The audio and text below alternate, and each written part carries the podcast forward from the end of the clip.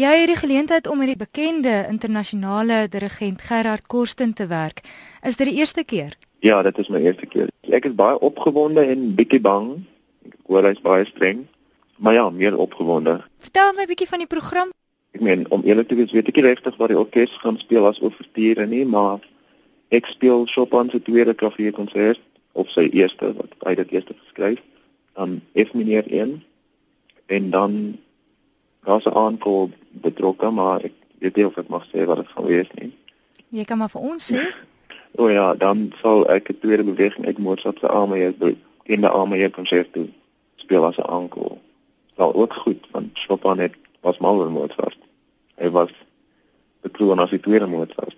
Ek het glad nie gedink ek sou dit speel nie. My eerste idee was om my eerste voorstel was om Rachmaninov 2 met hulle te doen, maar die dit is te groot orkes gewys en toe het toe het Chopin se tweede klavierkonsert as op sy gekom en ek het dit onmiddellik aangegryp want ek het net 'n geleentheid gehad nodig gehad om dit aan te leer. Ek meen dit is nogal moeilike musiek om net vir pret aan te leer. Dan moet 'n soort van 'n rede wees en mens moet dit met 'n orkes kan speel anders ja, voel dit asof jy tyd mors.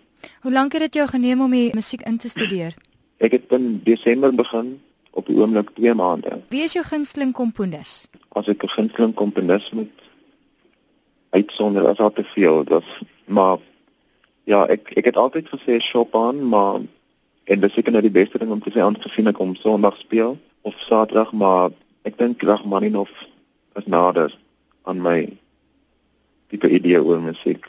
Wat is dit van Rachmaninov wat jou aantrek? So sommige mense sal sê eenvoudige harmoniese progressies, maar ook die manier waarop hy skryf, um hoe hy die emosie in sy musiek uit wel. Chopin is as mooi maar ongemaklik om te speel. so dit is bietjie irriterend. Dit sit nie altyd so goed onder mense vingers nie en en dit is moeilik om te perform met wat nou die dag Maninov as dit as jy hom goed voorberei het dan kan mens regtig tevrede wees met iets met Chopin is dit altyd jy weet nooit wat kan gebeur nie. Waar sien jy jouself oor 10 jaar? Almal sê gewoonlik mens moet altyd so dink oor die lewe, maar ek sukkel. Ek kan nie ek weet nie wat die toekoms aanhou nie. Dit is dit is moeilik. Ek wil baie graag rondtoer, um, om konserte te gee, maar dit hang af van baie ander dinge.